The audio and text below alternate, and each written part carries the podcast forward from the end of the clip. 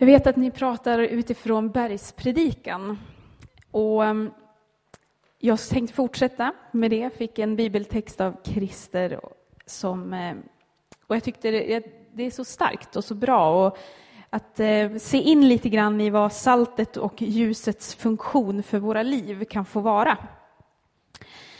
Jag hade några vänner när jag var ja, äldre tonåren som kom över från England och hälsade på. De hade aldrig varit i Sverige förut. Och eh, två goda vänner och vi får runt lite i Sverige och tittade på olika platser och eh, visade dem vårt land. Och, eh, så vi var i Dalarna i, på något museum där och sätter oss ner för att kolla på en sån här filmvisning som förklarar och visar, liksom, det var något bruk, så det var något liksom förklaring om man fick se brukets glansdagar. Och där satt vi och tittade och som den, den eh, mamma jag är, det var jag redan då, även om jag inte var, var riktig mamma, så har jag alltid någonting att äta i väskan. För det kan man behöva vid sådana tillfällen. Eh, så jag plockar, tar ner handen i väskan och plockar upp en eh, djungelvrål, kan aldrig gå fel. Eh, sticker fram den och häller ut lite djungelvrål i allas händer. Och alla stoppar in de här i munnen och börjar tugga. Men rätt som det är så står mina två vänner från England och spottar djungelvrål på ett museum i Avesta. Och eh, det vart så märkligt och så konstigt och jag förstod inte vad som hände. För djungelvrål är ju gott. Eh, det är ju fantastiskt gott. Men det tyckte inte de. Därför att salt har liksom en förmåga att chocka våra, våra smaklökar lite grann när det blir för stora doser. Eh, men i rätt mängd så förhöjer det smaken. Och det står så här i Matteus kapitel 5, vers 13 16. Ni är jordens salt. Men om saltet förlorar sin sälta, hur ska man då få det salt igen? Det duger inte till annat än att kastas ut och trampas ner av människorna. Ni är världens ljus. En stad som ligger på ett berg kan inte döljas. Och man tänder inte ett ljus och sätter det under skeppan, utan man sätter det på hållaren så att det får lysa för alla människor. För alla i huset. På samma sätt ska ert ljus lysa för människorna, så att de ser era goda gärningar och prisar er far i himmelen. Saltet förhöjer smaker, men det renar också. Det kan ju också konservera. Och jag tänker det att en lärjunge, någon som väljer att följa Jesus, behöver få vara kryddad av evangeliet, behöver få vara kryddad av Guds ord i sitt liv. För att vi ska smaka, för att vi ska ge ut smaken utav Gud. I Markus kapitel 9 och 50 står det ungefär samma sak, men då står det att salt är bra. Ha salt i er och håll fred med varandra. Och då tänker jag, vad ville Jesus att lärjungarna ska göra när han säger det? Ha salt i er. Det var ju inte att käka djungelvrål, utan det betyder ju någonting fantastiskt för våra liv. Att få ha den här smaken utav Gud, utav hans ord, utav hans himmelrike i våra liv. Han menar ju inte att lärjung, för lärjungarna behöver ju liksom vara människor som kunde vara goda exempel där de går fram, det får ju vi alla vara. Men också, vi får göra gott, vi får eh, liksom ge ut utav den här doften, utav den här smaken till människor. Och på så sätt får vi vara med och krydda människors sinnen Ehm, så att de får smaka på vem Gud verkligen är. Men om vi då själva håller oss lite på avstånd till Guds ord. Om vi inte har Guds ord som prio ett, om det inte får vara vår dagliga måltid, hur mycket kommer vi smaka då? För andra människor? Vad låter vi vara, vad, låt, vad fyller vi oss med? Vad är det som får vara smaken i våra liv? Som vi får ge ut? Vi vill ju inte vara smaklösa. Men någonting smakar vi alltid. Någonting kan man alltid känna doften av. Vad känner man doften av ifrån ditt liv? Vad är det du förmedlar genom ditt liv? Bibeln börjar ju med att Gud skapar himmel och jord. Och det var formlöst och tomt. Det, frasen som står i Första Mosebok om det här på hebreiska, det betyder liksom att det är totalt kaos. Det var absolut ingenting. Mörkret var överallt och Guds ande liksom hovrade över allt det här. Det har alltid funnits ett mörker och ett ljus sedan dess. Vi lever i det spänningsfältet just nu. Mellan det goda som Gud tänkte för vår värld och det mörker som kom in i vår värld. Och jag tänker på en bibeltext eh, i Nya testamentet när ledarna släpar fram en kvinna inför de religiösa ledarna och inför Jesus inför folkhopen. För hon har varit otrogen. Och eh, nu säger de, nu ska vi stena henne. Och de har ju i sitt hjärta bestämt att det är det vi ska göra. Hon ska dö för det hon har gjort. Men de frågar Jesus, vad ska vi göra med henne? Och då säger Jesus att den av er som är utan synd kan börja kasta första stenen. Sen sätter sig Jesus ner på huk och så står det att han börjar skriva någonting i sanden. Jag har hört, det står inte i Bibeln, men någon har sagt att tänk om han satt och skrev de religiösa ledarnas synder. Men det som står är att en efter en utav ledarna börjar släppa stenarna. Den av er som är utan synd kan kasta första stenen. Och sen säger Jesus, frågar han kvinnan, var det någon som dömde dig? Nej, säger kvinnan. Nej, och inte heller jag dömer dig. Gå och synda inte mer. Och sen går Jesus vidare och så får han senare deklarera för de här ledarna att jag är världens ljus.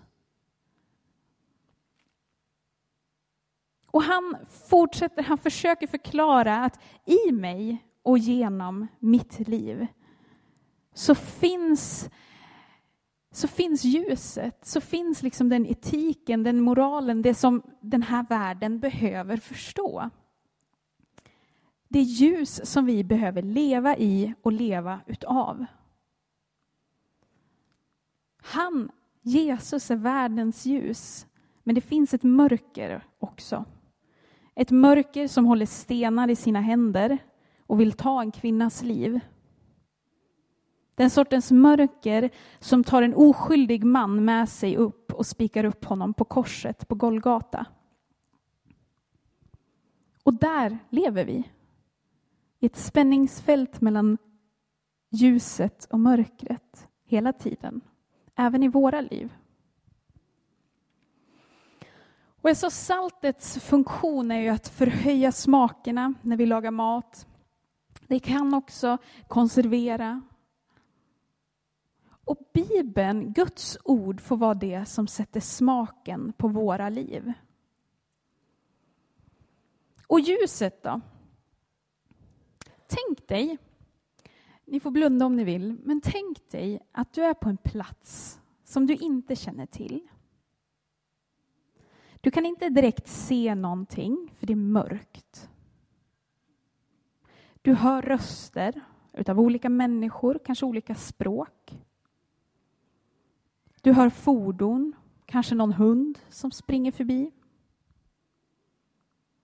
Och så är det helt becksvart. Du har aldrig varit på den här platsen förut.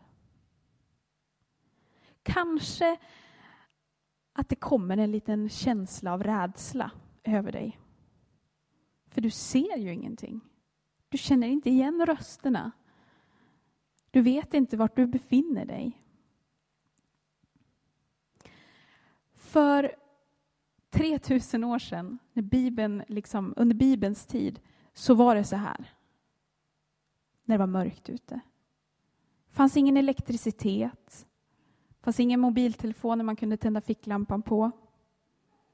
Man gick ut och jobbade när solen gick upp och man gick hem när solen gick ner. Och lyktor, ljuset man kunde tända, var livsviktigt på kvällarna. I psalm 119, vers 105 står det Ditt ord är en lykta för min fot, ett ljus på min stig. Och ibland önskar man ju så att eh, den här lyktan var en strålkastare som kunde lysa upp hela vägen. Men det är inte det Gud säger här. Det är inte det som menas med Guds ord. Ditt ord är en lykta för min fot, ett ljus på min stig. Du är på den där platsen som du aldrig har varit på, det är becksvart och du står där med din lykta. Och då vet vi, då lyser den upp så här mycket. Du ser inte längre än så. Men du får ta det steget. Och så kommer lyktan fortsätta lysa upp för nästa steg och för nästa steg. Guds ord säger aldrig jag ger dig en strålkastare och du kommer se jättelångt. Han säger att hans ord är att lita på. Det ljuset som Gud kommer med genom sitt ord är en lykta. Så att du ser nästa steg och nästa steg. Sen kommer vi kunna se tillbaka, och flera kan säkert vittna om det, hur Gud har varit med på hela den där stigen som vi fick gå. Men vi såg bara ett steg i taget. Om vi då lever i det här spänningsfältet mellan mörker och ljus hela tiden i våra liv så är det här så viktigt att förstå hur Guds ord faktiskt fungerar. Det krävs tro. Att våga lita på att Gud leder dig. Det är så mycket som liksom hela tiden florerar i våra liv. Det är liksom Instagram och det är Facebook och vi fyller våra liv med att sitta och scrolla genom flödet hela tiden. Och så jag tänker det kan finnas någonting profetiskt i det här för oss, för den här tiden. Att Guds ord ska få vara det som lyser upp vår väg. Inte något fint quote som man hittar på Pinterest, men Guds ord.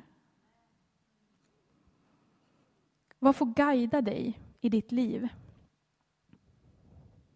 Kanske är det någonting som någon har sagt om dig, som du kanske har hört sedan du var liten. Det kanske får vara det som styr vad du vågar göra, vad, det, vad du vågar ha tro för. För du vet ju att hit, men inte längre. Men det är inte så Bibeln säger. Det är hans ord. Om han har kallat dig att göra någonting, då kommer han gå med dig. Och det människor har talat ut över dig, över ditt liv, över din situation, över din familj, det är inte sanningen. Guds ord är sanningen.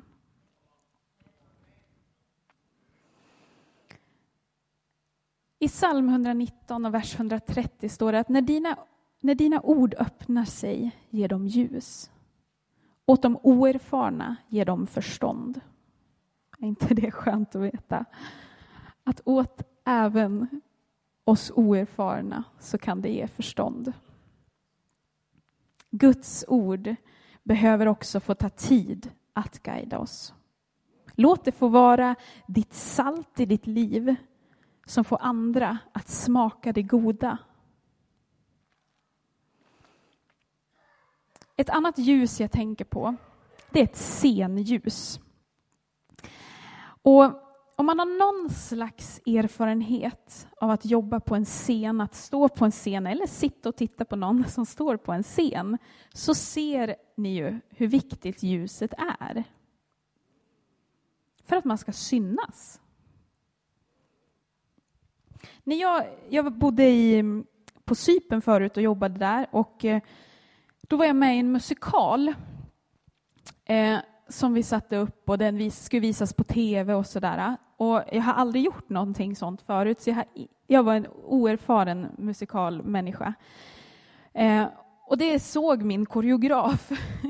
För han uttryckte det och sa klart och tydligt, det var raka rör, sa att eh, Linda kan ju inte, jag var, jag var kort jämfört med de andra, så, men Linda kan ju inte stå på första raden för hon har absolut ingen utstrålning. Så jag fick ställa mig på bakersta raden, inte mig emot. Ehm, och ehm, sen så ehm, kom ett tillfälle då jag skulle kliva fram framför alla andra och sjunga ett solo. Och det enda jag hör är min koreograf som står på långt bort och ropar Ljuset, Linda, du måste vara i ljuset! Eh, och, och det var ju liksom det här, när man då får höra som 19-årig att jag inte har någon utstrålning så är det inte direkt ljuset jag söker, utan jag skulle ju helst stå bakom alla och sjunga utan att någon såg. För det är jobbigt att vara utsatt för ljuset också. Eh, man ser nästan ingenting när man står på en, om det skulle vara helt becksvart och man står här, då ser man ju nästan inte er. Så det är, men ni ser mig. Varenda liten skavank, om ni tittar noga, skulle ni kunna se. Och när vi ställer oss i ljuset som är Gud, när vi ställer oss i ljuset i Jesus, då ser han oss rakt igenom. Och det är, kan vara, lite jobbigt ibland. Det finns någonting väldigt skört med att utsätta sig för ljuset på det sättet. Men det som är så fantastiskt med att få göra det i Jesu ljus, att få lyfta upp allt inför honom, vi behöver inte ens lyfta, vi kan bara kliva in, så ser han allt. Det är att vi kan få lyfta all vår längtan inför honom. Vi kan få lyfta alla våra besvikelser inför honom. Och vi kan få lyfta vårt mörkaste mörker inför honom. Och han översköljer det med sitt ljus. Det är vad han gör. Och det får bli någonting som får skina, någonting som får förvandlas. För det är det som Bibeln säger, när vi får vara i hans närhet. Så våga utsätta dig och ditt inre för hans ljus. Det är mycket bättre än att skriva ut någon rad på Facebook om, Facebook om hur besviken man är på det eller det eller den eller samhället. Utsätt dig för Guds ljus. Låt det få vara det som får stråla igenom dig och förvandla ditt inre. Jag tror vi behöver det alla på olika sätt. Vi får komma fram i hans ljus. Med allt. Precis allt. Allt får bli synligt inför honom. Jag bekänner min skuld, jag sörjer över min synd, står det i psalm 38 och 19.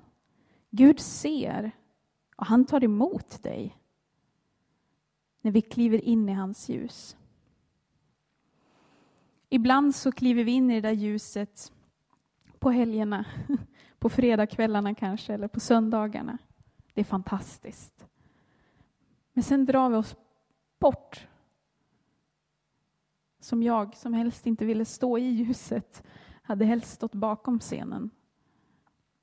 Men Gud vill ha oss i sitt ljus. Det är där vi kan få förvandlas. Och det krävs att man är modig och vågar kliva in där. För han vill ta emot oss. Och sen precis som snön liksom får falla ner och bli, allt blir vitt och fint, Uppe i Norrland blir allting vitt och fint. Ursäkta, det var en dålig liknelse. Men uppe i Norrland, där jag bor, där blir allting vitt och fint när ljuset kommer. Det gör att vi orkar leva på vintern, för allt lyser upp. Så funkar Jesus också, när vi vågar komma in i honom, hans ljus. Och de människor som har fått suttit i Jesu ljus, som har fått låtit allt bli genomstrålat av hans ljus, man märker det. Därför de människorna kan också ta emot andra människor på samma sätt som de själva har fått blivit mottagna av Gud. Nästa, det är ett sökande ljus. Och för ljuset har ju många olika funktioner. Och vi går tillbaka till den här texten att vi får vara ljuset. En stad uppe på ett berg kan inte döljas. När man tänder en lampa sätter man den inte under sädesmåttet. Utan det ska få lysa för människor. Våran funktion som Jesu lärjungar är ju just att få vara ett sånt här, nu lyser jag någon i ansiktet här, sökande ljus. Allt får lysa liksom för människor, få hitta människor, få lysa upp deras värld med det ljus som vi har fått. Och det är en, att vi har fått tagit emot det är ju också på en gång per automatik en inbjudan att få ge bort det. Det var en som sa det, vi pratade om lärjungaskap som sa att men har du läst en vers i Bibeln, någonting om Gud, då kan du mer än den personen du ska få vara med och leda till Gud. Så tro inte att du måste vara så hög, så, ha så mycket, att du måste bli så kvalificerad för din uppgift. För Gud, han, han kallar aldrig kvalificerade människor. Han kvalificerar dem han kallar. Och det gäller även dig.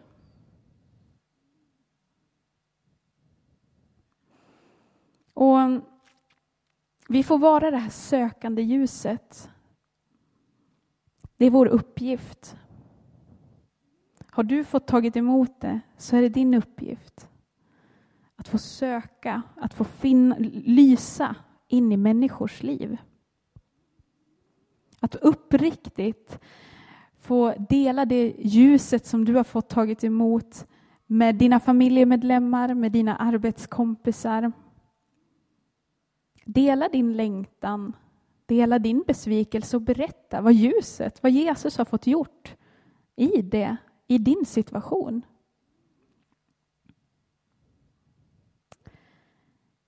Att få leva i ljuset och av ljuset, det är vi kallade till. Saltet förhöjer smaken för oss. Bibeln kan få vara den där smaken som får bli tydlig för andra människor. Det får spilla över. För vad händer om du vågar prioritera Bibeln, intimiteten med Gud, före allt annat i ditt liv?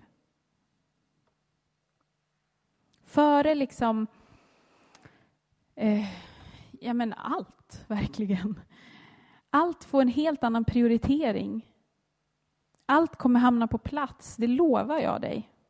Om du kanske har problem med dina barn, du kanske brottas med saker och ting som de står i, eh, som de brottas med. Du kanske, du kanske känner förtvivlan över det. Ta tid med Bibeln. Läs Guds ord. Det kanske känns tradigt och trögt i början, men det förvandlar ditt liv. Därför Guds ord är levande och verksamt. Även in i din familjs liv? Har du barnbarn som inte har tagit emot Jesus i sitt liv? Prioritera Bibeln. Låt det få förvandla dig. Vet du inte vad du ska göra med ditt liv? Läs Bibeln. det får leda dig. Det vill vara saltet som förhöjer smaken i ditt liv, men det vill också vara ljuset. Det får vara ljuset som som en lykta visar dig nästa steg.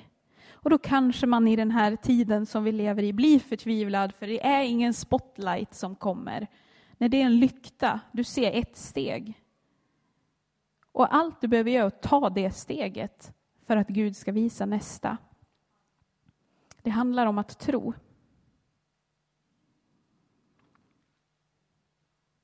Det får synliggöra saker och ting också i våra liv och det får söka upp människor. Allt det här har vi fått tagit emot. Ni får vara salt och ljus, säger Jesus. Allt det här finns för oss att få leva i. Två viktiga ingredienser i det kristna livet, i en lärjunges liv. Att våga lita på Guds ords kraft i ditt liv, få vara en väldoft för andra människor och våga lita på det ljus som du har fått, som har fått fylla dig genom Jesus. Och då får du vara ett ljus och få leda andra människor till att få smaka på hans underbara ord. Vi ber tillsammans. Tack himmelske Fader för ditt ord. Tack himmelske Fader för att det är verksamt alltid, alltid.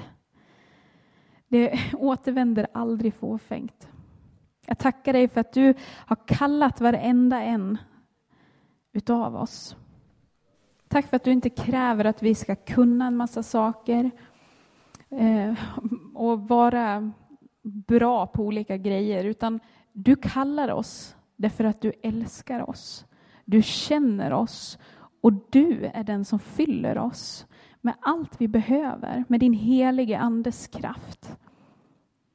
Och jag tackar dig för det som var och en här och den här församlingen kommer få vara med och göra när de får vara salt och ljus på den här platsen, Gud, och utöver hela världen. Jag tackar dig för den här sommarsatsningen som de ska göra, Gud, och jag bara ber om din välsignelse över det. Jag tackar dig för att de får vara salt och ljus i den här staden, för varenda människa. Tack gode Gud för det du gör. I Jesu namn. Amen.